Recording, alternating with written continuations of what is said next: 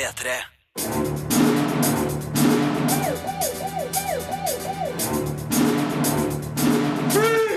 Filmpolitiet! What's your name, dude? Eh, Birger Vestmo. What kind of stupid name is that? To westernfilmer har kinopremiere i dag. Det er ganske sjeldent at eh, westerns har premiere, og i dag får vi altså to. Mats Mikkelsen er tøff hevner i The Salvation, mens Tommy Lee Jones er lavmælt cowboy i The Homesman. Begge filmene anmeldes.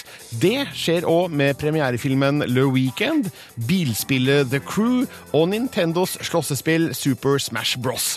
Den siste Hobbiten-filmen, Femherrerslaget, har premiere kommende onsdag. Vi har møtt regissør Peter Jackson, som forteller hvordan han skal komme seg videre etter ca. 17 år i Midgard. Og i går ble tittelen på den 24. Bond-filmen avslørt, nemlig Spectre. Vi får besøk av Bond-ekspertene Jon Berge og Lars Jonsrud, som skal synse om det vi nå vet om denne filmen. Filmpolitiet anmelder film. Here. Av og til er det deilig med en film som ikke er annet enn det den gir seg ut for å være. Christian Levrings The Salvation er en westernfilm som følger sjangerens konvensjoner nøye. Den er kanskje ikke spesielt original, men filmen underholder stødig og sikkert. Man sitter med følelsen av å se det skikkelig ville Vesten, med røffe, svette og ubarberte menn med seksløperen i velte og rifla over skuldra. Jo da, det her er tøft nok. Den danske nybyggeren Jon, spilt av Mats Mikkelsen, er en jaga mann. Han har drept dem som myrda familien hans, men den ene av dem var bror av områdets skruppelløse banditt De La Rue, spilt av Jeffrey Dean Morgan, som nå søker hevn og lar det gå utover innbyggerne i den lille byen på prærien. Jons bror, Peter, spilt av Michael Persbrandt, må hjelpe til når både bandittene og innbyggerne de dominerer, vender seg mot Jon. Helt fra innledninga er det lett å se at Christian Levring må ha sett mange klassiske westernfilmer. Bildene er superbreie, nærbildene tette, musikken sveipende, og fargene er filtrert inn i solnedgangen. Av og til får jeg nok følelsen av at fargepaletten er sterkt overdrevet, men det hendte nok òg at de var i filmene som The Salvation forsøker å etterligne. Innspillinga foregikk i Sør-Afrika, som er en ypperlig stand-in for USA på 1870-tallet, og både landskap, bygninger og kostymer er av det rette slaget. Did you ever fight? No. I did. Who was the enemy? Germans. Mats Mikkelsen gjør en sterk rolle som den etter hvert ensomme hevneren, som må igjennom mange lidelser på vei mot målet. Michael Persbrandt gjør òg en troverdig innsats som en kar man ikke vil komme på kant med. Jeffrey Dean Morgan står derimot i fare for å bli en parodi av en westernskurk, med en ondskap som er bortimot umulig. Men det her er altså en stilisert western, ikke et dokumentarisk drama. Know, we've been hoping, praying for someone like you to come along, save us from our misery. Skal jeg sette en finger på noe annet, er det at de mange skytescenene kanskje er litt svake. Levring har kanskje studert filmer av John Ford og Sergio Leone, men har han glemt Sam Peckinpah? Skytinga kun gjerne har resultert i litt mer blodrødt. Men det blir kanskje feil å klage på voldsmangel i en film der byens manntall minsker med akselererende hastighet. The Salvation er en fin sjangeroppvisning, og et bevis på at også dansker kan lage helt ålreit western. I underestimated you, soldier. That ain't gonna happen again. Terningkast fire Filmpolitiet. på P3. Mats Mikkelsen spiller altså hovedrollen i dagens danske premiere-westernfilm The Salvation. Mikkelsen er selvfølgelig kjent for en hel rekke filmer som Pusher-trilogien, Blinkende lykter, Casino Royal og Jakten. Nå får han altså spille hevner i Det ville Vesten, og da jeg møtte Mikkelsen sammen med flere andre journalister i Cannes, det er derfor det her foregår på engelsk. Så spurte jeg Mikkelsen om det var en drøm å få lov til å være cowboyhelt på filmlerretet. Yeah, it is now. I mean, uh, and, and, and it was actually when we did it, but it was not like Christian, the childhood dream. I, I was not running, I mean, we were all Indians in the 70s. Nobody wanted to be the cowboy, right? It was very political correct. So the game really never came up and running. Did you draw inspiration from the classic Western archetypes? No, not really. I mean, I, I I've seen films, but uh, and, and and it's in there, and I do become the hero, but I do it very late in the film, right? So what we're trying to just to give life to a man who's who is uh, in in the promised land, and he would love to have his family over, and he would love to be 90 years old and see his kids grow up, right? Uh, and but that changes, and uh, so he changes, and he also changes in his looks. He's if you can see, it's not my clothes. In the end, I'm stealing other people's clothes, so I end up like the classical Western hero. Is that difficult to play a man with a limited range of emotions on the exterior? Well, I don't. I didn't do that. I played a man with a lot of emotions, so I, I don't know. Well, uh, but he was a man of his time. He doesn't uh, show what he feels, does it? Well, we don't do that today either. Uh, I think that uh, it depends. I mean, he breaks down. Um, he, he's in tears half of the first half of the film, um, and then he's in anger, and then he's in fear. I, I, I mean, I, I, obviously, I could have um, opened my mouth a little more. I don't know. I, I don't. I mean, I think it's, it's a different way of perspecting it. I mean, that you can do it more theat- theatrically, but uh, we can also do it what I believe is right to be true to the emotion and not try to show it, but just have it there for real. Um, so I think he's quite a contemporary man, actually. If that was real 1870s, he, he might not have broken down. He might have been a little more stoic. You know. What kind of man do you think you would have been in the West in 1871? I don't know. Um, I probably would be working with something on a railroad because I, I think that's really cool work, you know. But I'm not sure. It's a good question. I might have been John. I might have been that kind of man who's trying to settle and fix things. Det sa Mats Mikkelsen om sin rolle som dansk nybygger på hevntokt i Det ville Vesten i den danske premierefilmen The Salvation. Filmpolitiet anmelder spill.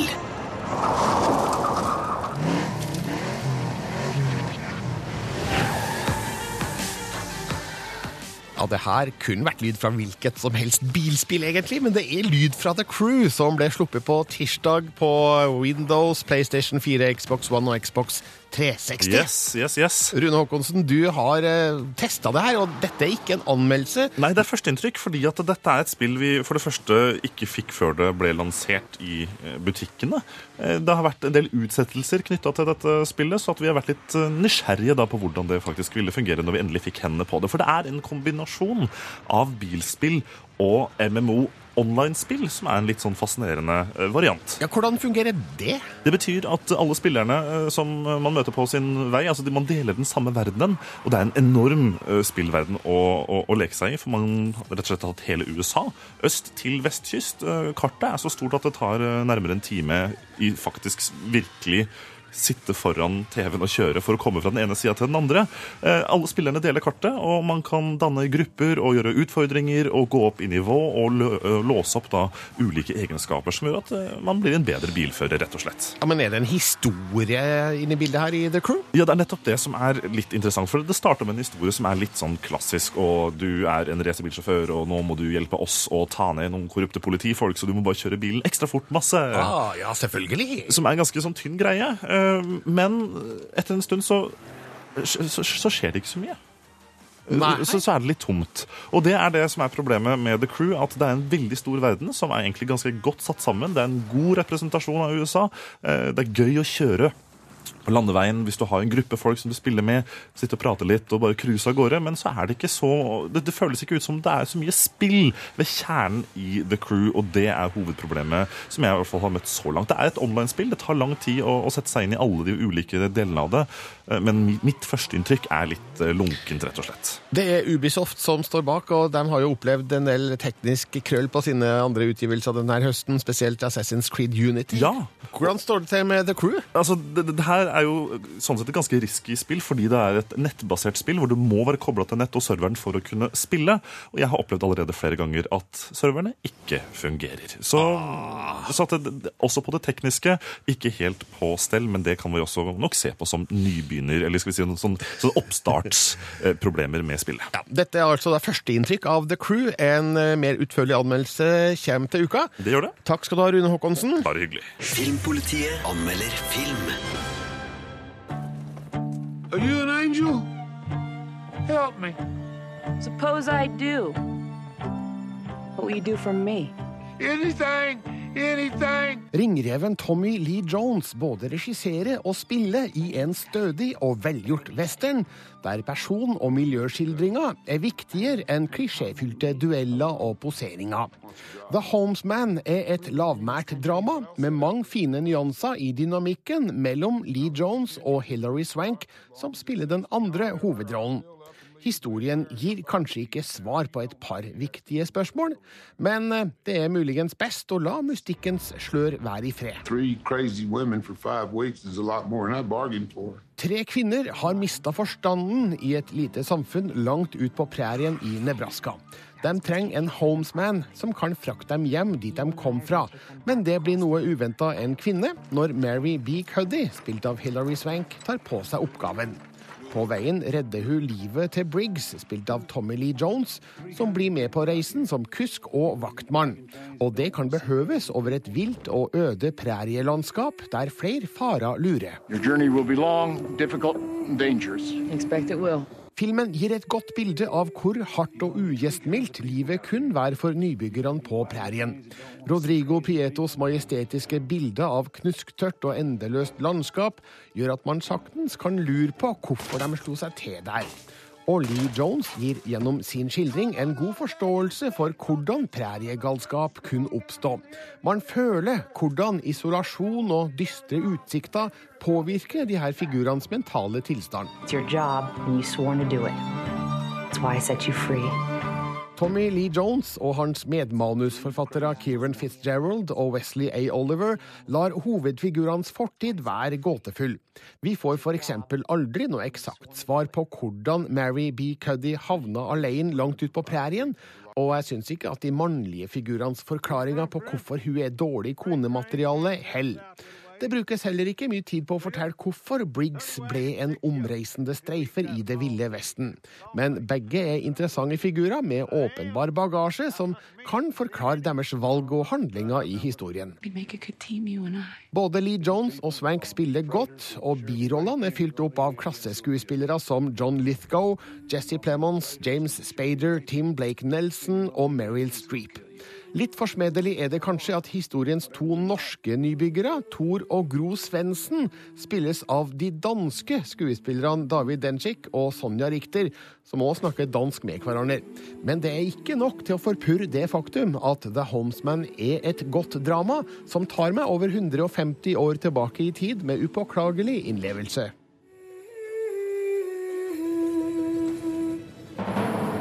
Terningkast fire. Les mer om film, spill og serier på p3.no Filmpolitiet. Filmpolitiet. På P3. På onsdag er det premiere på den siste Hobbiten-filmen, Femhærerslaget. Og igjen spilles rollen som Bilbo Baggins av Martin Freeman, kjent fra en hel rekke serier og filmer, kanskje spesielt The Office og Sherlock. NRKs Christian Ingebretsen har møtt Martin Freeman i London og spurt hva som gjør rollen som Bilbo Baggins litt annerledes. Um, well, all all the characters are different. So uh, he is he's a lovable little creature who uh, is also uh, brave and is um, loyal and a good friend, and uh, and I think he's the moral compass of these stories. How much has this movie trilogy meant to you as an actor? Well, it's meant a lot to me because I've spent two and a half years in New Zealand doing it, you know. So, um, I mean, I made good friends. Uh, it's meant that I am part of a film that will outlive me, that millions of people all over the world see and like, hopefully. um, yeah, it's meant a lot to me as an actor and as a person. Yeah. Peter Jackson has now made six movies out Mm. of the Tolkien world. Hmm. Do you think that there's more cinematic potential uh, based on the Tolkien books? I wouldn't have thought so, but I don't, don't know. I mean, if, if Peter, Fran, and Phil see something uh, that occurs to them, then they would be in charge of that. But they, they might see something I, I don't know about. But I, I don't think there's any more. No, but I would never say never with Peter. Smart sagt, kanskje, der fra Martin Freeman, som altså spiller Bilbo Baggins i Hobbiten Femhærer-slaget. Og på våre nettsider p3.no Filmpolitiet kan du se hva han syns om Bjarte Tjøstheims parodi av han fra Sherlock-serien. Og eh, han har faktisk sett det. Når Hobbiten Femhærerslaget har premiere på onsdag, så er en lang reise over for regissør Peter Jackson, for å si det med noen floskler. Han har tilbrakt ca. 17 år i Tolkiens Midgardrike Midgard-rike og laga film av eh, bøkene. Og eh, vel, man skulle kanskje tro at eh, han var veldig trist og lei seg nå, men eh, han forteller i det her intervjuet at han ikke har så mange sentimentale følelser rundt akkurat det. Yeah, it, it sort of it feels like we've finished just a, a big job, and hopefully it's a job well done and time to move on. And I, I don't, you know, I don't have a huge sentimentality because I think you're you're so focused on making the best film you can, and if you've made the best film you can, then you're happy rather than feeling sad. So I'm very very happy with this film. Hobbiten Femherrerslaget er sjølsagt full av spektakulære kampscener, og Peter Jackson forteller at det er mye enklere å lage slike sekvenser nå enn da han gjorde Ringenes herre-trilogien for over ti år siden. To be honest, this is probably easier easier than the Lord of the Rings battles because in those days we couldn't do as much with the computers, and so we had to have hundreds and hundreds of extras that um, you know, in hot costumes and people fa- fainting and people being carried off the set and all sorts of things were going on, and that was actually quite a challenge. Um, with CGI, you get one, you you can control the battles more. Plus, I can film them myself. I can be on a virtual set with a camera and actually be the cinematographer, which I was of the battle scenes in this film. So I kind of actually, I, I think the technology is makes it a little bit easier and it makes it more fun. Men det aller viktigste i Hobbiten-filmene er ikke kampscenene, men figurene, mener Peter Jackson. Det er nemlig dem som driver historien fremover. There's no such thing as a story without, you know, you know, I mean, characters drive stories. That's that's why we engage in stories because we're engaging with a particular character or series of characters within that story. It's the whole point. I mean, that's what stories are.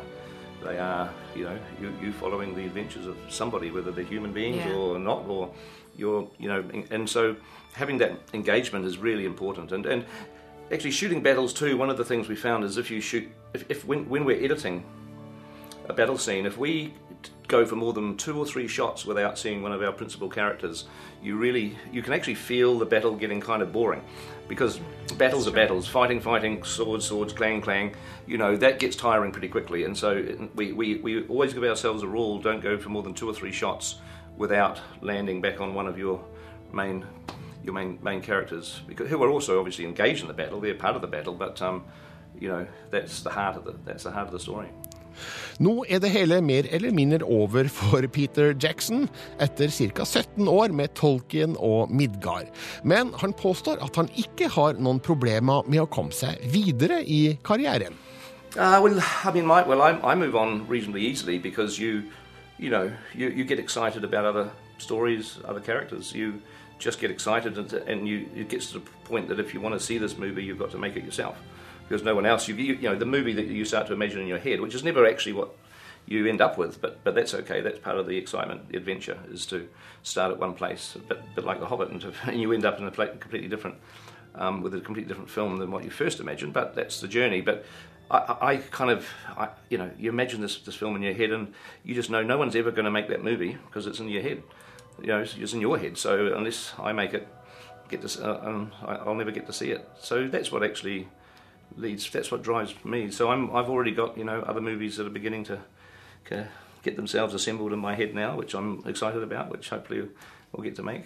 Det sa Peter Jackson. På onsdag har Hobbiten Femherreslaget premiere. Jeg ser den tirsdagsmorgen og anmelder den tirsdag kveld. Filmpolitiet anmelder film. This was your idea. Oh, yeah. How terrible to be in Paris. You wanted to sleep in a coffin. Give me the euros. What? Give me the euros. En film med tittelen Le Weekend, som handler om et eldre ektepar på helgetur til Paris, høres kanskje ikke ut som det helt store, men det her viser seg å være et morsomt, rørende og bittersøtt drama.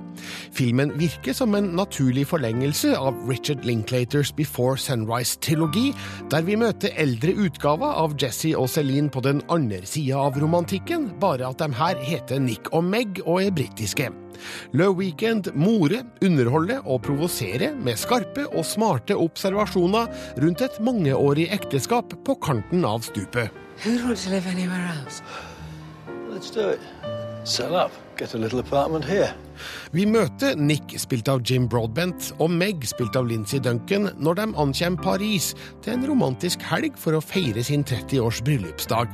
Men det blir snart klart at forholdet mellom dem er tynnslitt. De går hverandre på nervene med stadig kjekling og utveksling av spydigheter. Kan en helg i Frankrikes hovedstad fornye kjærligheten og redde ekteskapet, eller er det allerede for seint? About a month ago, the college insisted I take early retirement. Why didn't you tell me before?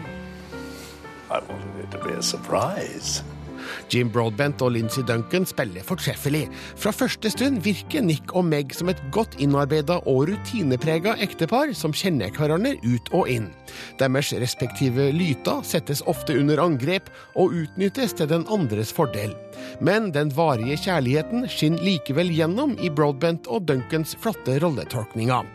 Nick møter tilfeldigvis en gammel studiekamerat i Paris, den suksessfulle forfatteren Morgan, spilt av Jeff Goldblum, som inviterer dem til en sammenkomst som vil få stor betydning for historiens utfall.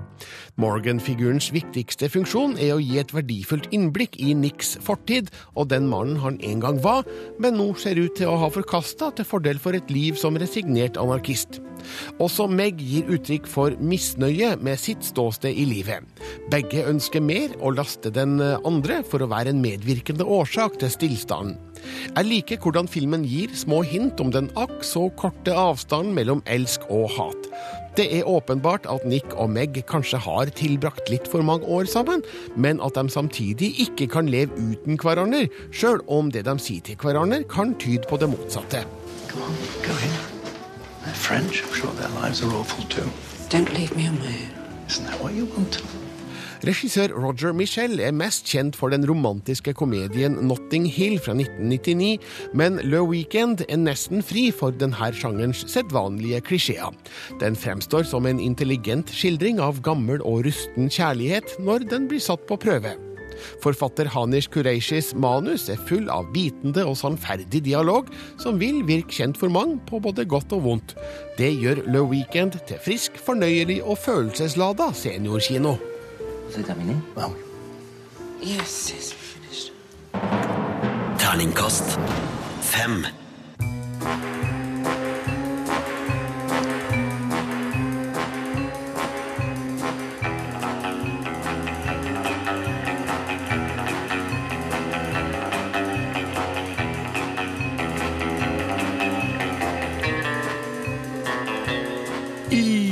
Da, nå skal det handle om James Bond, for i går klokka tolv blank introdusert regissør Sam Mendes skuespillerne som skal være med i den neste Bond-filmen, som har fått navnet Spekter. Sånn hørtes det ut. uh, returning again as Tanner Mr. Rory Kinnear. And as uh, a cue for a new generation, Mr. Ben Wishaw. And established in the last movie as Miss Moneypenny, the fabulous Naomi Harris. As the new M, the extraordinary Rafe Fiennes. And a new addition to the Whitehall family, playing Denby, Mr. Andrew Scott. Playing Mr. Hinks, Mr. David Bautista.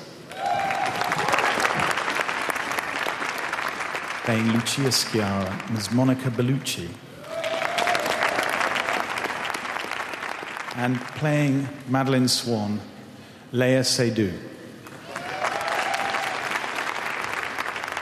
Uh, an extraordinary actor. I could not be happier than to be having him in this cast and joining us on this journey, Mr. Christoph Waltz. Playing Ian Fleming's 007, Mr. Daniel Craig. Sånn hørtes det ut da regissør Sam Mendes introduserte skuespillerne som skal være med i den neste Bond-filmen, som har fått navnet Spekter. Og nå, i studio, har vi fått besøk av to av landets fremste Bond-eksperter, nemlig Jon Berge og Lars Jonsrud. Velkommen. Takk for det. Takk. Ja, dere er da eh, henholdsvis redaktør og skribent for nettstedet jamesbond.no, så det her burde dere ha peiling på. Hva gjorde dere klokka tolv blank i går? Eh, Jeg for min del eh, satt på høyskolen i en forelesning og klarte ikke å følge med på timen da jeg hadde hodetelefoner og satt på YouTube og fulgte med på overføringa. Velkommen deg, Jon. Jeg satt på hjemmekontoret og var helt i helspenn. Og ja, kollegaen min Per, vi, vi skulle liksom få med oss alt. Jeg, jeg, ble- jeg merka minuttene før så begynte jeg å bli litt sånn nervøs, og det, det syns jeg var en god følelse. Mm. Men eh, det er vel kanskje nærliggende å tro at eh, det er flere enn dere som var spente på denne annonseringa, og ikke minst på hva filmen skulle het. Og navnet er altså Spekter. Og det kan faktisk finnes folk som ikke helt forstår de historiske trekkene eh, her. Eh, Kan dere forklare hva er Spekter i Bond-sammenheng? Ja, altså det er jo en eh, forbryterorganisasjon, rett og slett. Hvor det er da en hovedmann som styrer denne organisasjonen, som heter Ernst Stavro Blofeld. Eh, Dette er en forbryterorganisasjon som har eh, gått igjen i tre eh, av bøkene til Flemming. Og vi som Die Hard-fans, vi er jo veldig opptatt av det litterære utgangspunktet her, da. Ja, og, og nå beveger Bond-serien seg tilbake til røttene på et vis. Potensielt i hvert fall. Hva tror du, Jon? Det virker sånn, og det hører jo med til historien at de fikk liksom rettighetene til å bruke Spectre igjen da i offisielle serien. Det, var, det begynte jo egentlig med Thunderball og boka, og dermed så var jeg usikker hvem som e- eide rettigheten til bruken av Spectre. Eh, Det som virker veldig lovende med filmen, synes jeg, er nettopp det at man eh, kommer tilbake til en del av Flemmings elementer. Det er også nevnt at eh, karakteren til Christoph Waltz er Frans Oberhauser, og han er jo en figur i Flemmings bøker. En slags stefar for James Bond som tenåring. Så dette byr jo på mange spennende eh, i hvert fall Man kan tenke seg at de bruker flere ting fra Flemings bøker, og det er alltid en god ting i en James Bond-film. For da blir jeg litt mer basert på Flemings originale visjon om James Bond. Som du sa, Christoph Waltz eh, skal spille en rolle i filmen Oberhauser. Det gikk jo sterke rykter på forhånd om at eh, ja, flere trodde han skulle spille selveste Ernst Stavro Blåfeldt, men det ser da ikke sånn ut? Vel, jeg har min teori om det, hvis vi skal røpe den, da. Eh, jeg kan ta feil, men hvis jeg får rett, så vil jeg bli veldig glad. Han hadde vært en veldig god Blåfeld, det tror du ikke? Ja, altså, jeg tror på en måte at det blir som i, i, i bøkene, hvor eh, han var en skikkelse som forsvant ut av James Bond sitt liv, og så møter vi han mange, mange år etterpå. Og så viste det seg at det var han som var Blowfell, da. Det tror jeg blir greia. Men det kan også være det at han er kanskje Spectors number two eller number three, litt sånn Emilio Largo nettopp i Thunderball, da. Mm. Og at eh, vi ikke får se Blowfeld eh, annet enn eh, med den lille katten. Altså veldig anonym presentert som, som i de første filmene. da. Så han blir eh, Blowfeld dukker opp etter hvert. Så han er bare en del av altså Oberhauser, en del av Spectors organisasjon, da. Nå I de siste filmene så har Bond-serien eh, tatt inn litt tidsriktige elementer i historiene sine. Eh, kan det nå virke som at man skal tilbake til den litt mer fantasirike delen av Bond-verdenen med Spekter? Ja, altså man kan jo tro det, men ut ifra de få opplysningene man har, hvis man eh, skal tro noe på det, så klart eh, de vil nok gå tilbake og bli inspirert av noen av elementene, men hvordan de skal overføre det til eh, en moderne tid, det, det blir jo vanskelig å se, eller si noe om, selvfølgelig. Så er det også det aspektet med Craig, da. Han er jo ikke så veldig interessert i på en måte å gjøre ting litt sånn lett og lystig. Og der hadde jo Connery ikke minst eh, en fin evne til å både være tøff og samtidig litt leken. Så det blir jo spennende om han klarer nå, da. Men ja. Jeg vil jo si at han er jo en klassisk utdanna skuespiller, og han er en utro... Daniel Craig er ikke min personlige favoritt. Han er en veldig dyktig skuespiller. Og Sam Mendes er en veldig dyktig dramaregissør, og jeg håper virkelig med de gode skuespillerne de nå har rundt, at det er noe de kan få utforska mer. Og eh, Lars og Jon, eh, det er jo ingen hemmelighet at Daniel Craig fortsetter som Bond. Er dere eh, fremdeles eh, tilfreds med det? Jo, nei, han gjør jobben sin, han. Men eh, han, han ser ikke ut som James Bond, og det kommer han aldri til å gjøre. Så beklager, han er ikke min favoritt. Men uh, vi må nå bare en gang forholde oss til at han er James Bond, og han tar i hvert fall rollen på alvor, da. Ja. Det liker jeg i alle fall. Og han har jo et veldig godt eh, team rundt seg med veldig mange gode skuespillere nå. I gamle dager, for å si det sånn, og det er faktisk ikke så lenge siden, eh, på 80- og tidvis 90-tallet, så var jo ikke alltid de sånn top notch-skuespillerne man brukte i James Bond-filmer. Men legg merke til det, det de presenterte på Pinewood i går, så var det jo etablerte, veldig dyktige skuespillere som har karriere uavhengig av James Bond. Det er ikke noen fotomodeller som spiller Bond-piker lenger. Så det gjør jo på en måte at man bruker mye mer penger faktisk for å lage disse filmene. Ja. Eh, og og det, det vil jo vises på kvaliteten. Du nevnte Bond-pikene, og det er jo eh, alltid interessant, selv om eh, selve uttrykket Bond-pike nå virker rimelig gammeldags. Men uansett, de nye ansiktene i Bond-sammenheng er da Monica Bellucci og Lea Seydoux. Kjente, dyktige skuespillere. Hva slags rollefigurer tror dere vi kan forvente oss der? Jeg tror det er de klassiske arketypene. Eh, Bellucci spiller helt sikkert en eh, skurkedame, og Seidou spiller en, eh, en snill båndpike. Ja. Men så kan du selvfølgelig få vria med at noen av dem har, går over til fienden, eller, eller er på en måte på den onde sida, og skal, så skal Bond få dem over på den gode sida. Altså disse arketypene fra serien, da. Ja. Bellucci mener mener både jeg og Lars vi var helt ekstase at hun endelig fikk sjansen da. Eh, hun er nå 50 år, men hun ser fortsatt supersmashing ut. Og det er bare så vakkert at hun endelig får sjansen i en Bond-film. Og når de da også da skal filme i Italia, så kunne det ikke vært mer perfekt. Mm. Eh, Christoph Waltz eh, var vi inne på i sted. Han skal altså da spille eh, Oberhauser. Og det er jo en skuespiller som er i stand til å utrette forholdsvis mye på kino. Lerette, Hva tror dere han kan tilføre eh, Spekter? Ja, Det gjenstår jo å se hva den endelige rollen blir. Eh, personlig, hvis de skal eh, virkelig forholde seg til Flemming, så, så tror jeg, i hvert fall sånn fysisk sett, at han er feil. Fordi at Blowfield eh, så helt annerledes ut og var eh, bygd på en helt annen måte enn eh, eh, den lille pinglete Christoph Waltz. Men han er jo en skuespiller som uten tvil klarer å fylle hele lerretet eh, helt alene. Og med de andre skuespillerne rundt, så, så tror jeg det faktisk kan bli veldig bra. Og det som er litt gøy, det er at eh, Barbara Broccoli kan faktisk takke mannen som aldri slapp til med å regissere en James Bond-film, Quentin Tarantino. For Quentin Tarantino, selv om Christoph Waltz hadde en uavhengig karriere i Tyskland, har jo på en måte skapt han til, til det han er, da. Nå eh, er det en ny M ute og går. Eh, han ble jo introdusert i forrige film, Rafe Fines. Hva syns dere om, eh, om det valget som eh, Bonds nye sjef? Ja, jeg syns det er er veldig bra valg sånn i forhold til at han er Han er ikke et ukjent ansikt. eh, Han, han er en veldig god skuespiller som eh, man tror på i rollen. og jeg tror det kan bli spennende å se han. Han vil sikkert ikke bli en eh, sånn passiv M, da. Selv om han prøvde å få Judy Dench rundt omkring, og så gjorde hun ikke så mye annet enn å snakke, da. Men han er jo åpenbart en eh, mann som har en bakgrunn, og ikke bare innenfor politikk, men eh, innenfor militæret òg, tror jeg. Så nei, det, det kan bli spennende. Ben Wishaw er Q, Naomi Harris er Moneypenny. Eh, Lars, er det viktig at eh, tradisjonene holdes i hevd i, i Bond-riket? I Bond-verdenen? Det er klart, alle disse filmene er jo bygget eh, ut fra en formel.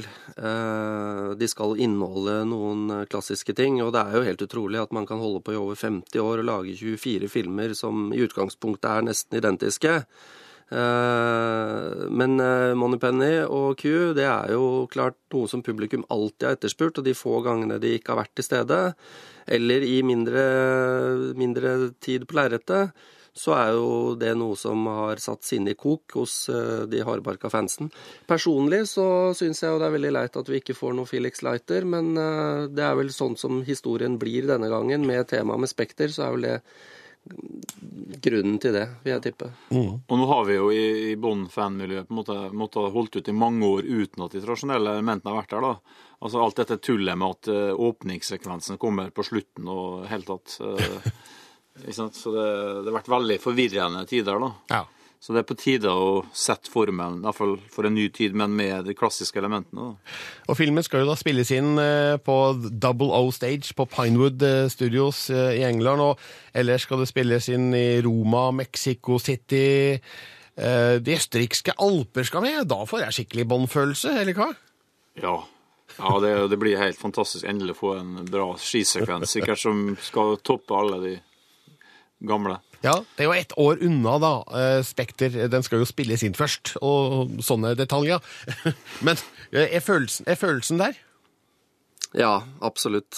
Eh, Vi snakket om det nå nylig. Jeg for min del ser jo disse filmene fra tid til annen. Men det er klart at Og det, det er mildt sagt, men det er klart når sånne nyheter som dette kommer, så får man jo ekstra lyst til å sette seg ned og, og se på filmene. Lars Jonsrud og Jon Berge, da snakkes vi kanskje om et års tid, når Spekter får premiere. Nå skal vi glede oss i løpet av et uh, helt år til neste Bond-film, og det er litt deilig det òg. Veldig deilig. Det er jo halve gleden er å glede seg til nå. Takk for at dere kom. Takk. P3 P3. Filmpolitiet på P3. Vi har snakka om James Bond tidligere i dagens Filmpoliti. Den nye tittelen er lansert. Spekter og skuespillerne er avslørt. Deriblant Dave Bautista i rollen som Mr. Hinks, Rune Håkonsen. Yes, det er en utrolig varm, mild og snill person, på tross av sine skal vi si, imponerende fysiske karakteristikker, rett og slett. Snakker du om Mr. Hinks nå, eller Dave Bautista? Dave Bautista, skuespilleren først og fremst. Eh, altså Han skal spille da Mr. Hinks, ser det ut som. En, En, en, en eh, litt sånn henchman, en, en, en fyr som eh, utfører de tunge oppdragene. Litt i, i samme tråd som Oddjob og Jaws. Og det syns jeg nå er en veldig spennende eh, rolle. Og ikke minst en spennende skuespiller å plassere i en, i en sånn rolle. Ja, Du har møtt Dave Bautista i forbindelse med lansering av Guardians of the Galaxy. Ja, og det var jo der jeg fikk virkelig møte den varme personligheten bak. Han er veldig ydmyk, og han har i løpet av veldig få år virkelig skutt opp på stjernehimmelen, og det er noe han er veldig ydmyk ovenfor. It's been, yeah, it's been crazy, man. It's just, uh, it's weird because it's just really just now kind of hitting me how big it is. Um, I, I knew it was going to be big, but I just, I didn't realize to the magnitude it was, yeah. I guess this is the start of a new path in your career. You see more roles like this one, science fiction, action movies on the horizon. Um, you know, I, I, I don't honestly. I, I just don't. You know, it's it's weird. I never really set out to be an action star, um, and I just yeah, I don't think that I will ever get anything bigger or better than Drax and Guardians of the Galaxy. And I always wanted to. Uh, uh, I aspired to be an actor. You know, I wanted to do like dialogue stuff, dialogue-driven, character-driven stuff, and that's still what I'll pursue. I'm hoping this will open up more doors for me. But you know, like I said, I just it's never going to get any bigger or better than this. So I just like I, I don't know, man. I just don't aspire to be an action star. This is, I think Drax is, is my action fix. You know. Det sa altså Dave Bautista før premieren på Guardians of the Galaxy nå i sommer. og Jeg syns vi må bare ta litt kort tak i det. Han sier at jeg har ikke lyst til å bli en actionstjerne, jeg har lyst til å dra, gå etter de mer dialogdrevne rollene. Jeg har hørt han sa det! Det hørtes veldig rart ut. Oddjob og Jaws er vel ikke kjent for å ha veldig mange replikker i Bond-filmene, nå som han da skal spille Mr. Hinks. Så vender han jo også litt tilbake til en, en sånn stor action-franchise, og kanskje overgår Guardians of the Galaxy sånn sett i, i popularitet. Men altså, med Dave Bautistas fysikk, stemme Herregud, for en stemme! Ja, for og, hans, stemme, ja. og hans bakgrunn som wrestler. Hvordan kan han ikke bli actionstjerne? Ja, og Jeg spurte han om akkurat dette også. Da fortalte han at bakgrunnen som wrestlingutøver og, og som idrettsmann, amerikansk fotball, det hjalp han i å utføre de mange stuntene som han skulle gjøre i Guardians of the Galaxy. Så vi kan jo håpe at også dette blir brukt i den nye Bond-filmen Spectre. Guardians of the Galaxy har faktisk eh, Blu-ray og DVD-release denne uka. Og dermed må vi jaggu slå et slag for filmen. Du får et gjenhør med min anmeldelse. Filmpolitiet anmelder film. We arrested these five on Xandar. Check out the rap sheets. Guardians of the Galaxy er ikke blant Marvels mest kjente tegneserieunivers, men introduseres på film med en herlig miks av heftig sci-fi-action, småfrekk humor og en overhengende eventyrfølelse. Det er riktignok svært mye som skal introduseres for oss, og det er litt i overkant trangt mellom plottpoengene. Men regissør James Gunn, som òg har skrevet manuset sammen med Nicole Perlman, sørger for at underholdningsevnen er imponerende. They call themselves the Guardians of the Galaxy. Historien foregår langt ute i verdensrommet, der en gjeng ulike figurer samles i kampen om en mystisk kule med ukjente krefter. Dusørjegeren Quill, spilt av Chris Pratt, får etter hvert selskap av leiemorderen Gamora, spilt av Zoe Saldana, muskelberget Drox, spilt av Dave Bautista, vaskebjørn Rakett med stemme av Bradley Cooper og trefiguren Groot med stemme av Vin Diesel. Sammen tar de opp kampen mot Kree-krigen Ronan, spilt av Lee Pace, som har skumle planer med kulas krefter. Galaxy. Filmen etablerer en slags forbindelse med jorda i åpningssekvensen, og i Quills stadige bruk av en mixtape med gamle hits. Men filmen foregår andre steder i galaksen, som er rikholdig på ulike verdener og vesener. Det er ingen tvil om at det her er Marvels Star Wars, der Quill er en slags Han Solo som havner i skuddlinja mellom det gode og det onde. Jeg liker Chris Pratt i denne rollen. Han fungerer virkelig godt som en filmhelt med et stort mot, men òg med en feilbarlig personlighet. Samspillet med de andre personene og figurene gir filmen kjærkomment liv, der spesielt den genetisk modifiserte vaskebjørn Rakett er en sentral skikkelse. Det er kanskje litt for mange figurer og sammenhenger som skal forklares til oss på litt for kort tid. Eksempel blir kulas krefter utdypa, men det går så kjapt at jeg ikke rakk å henge med. Men egentlig er ikke det her så viktig. Filmen handler ganske enkelt om å forhindre at slemme krefter vinner over de gode, og her blir vi pepra med digitalt effektmakeri av ypperste merke. James Gunn og hans team greier likevel å holde det narrativet rimelig enkelt, slik at vi til enhver tid greier å holde styr på hvem som gjør hva i bildet. Men til sjuende og sist er det ikke effektene jeg husker best fra Guardians of the Galaxy, det er figurene. Dette er en fargerik samling typer som kanskje ikke er nyvinninger i sci-fi-eventyrsammenheng, men de har nok særpreg til å holde seg interessante gjennom hele historien. Og det lover godt for de neste filmene i serien. Jeg gikk til kinosalen uten særlige forventninger, men kom ut med opptil flere. Terningkast fem. Og nå er altså Guardians of the Galaxy ut på Blu-ray, DVD og strømmetjenester. Vær så god, kjøp og eller lei. Filmpolitiet med Birger Vestmo. På P3. Hør flere podkaster på nrk.no podkast.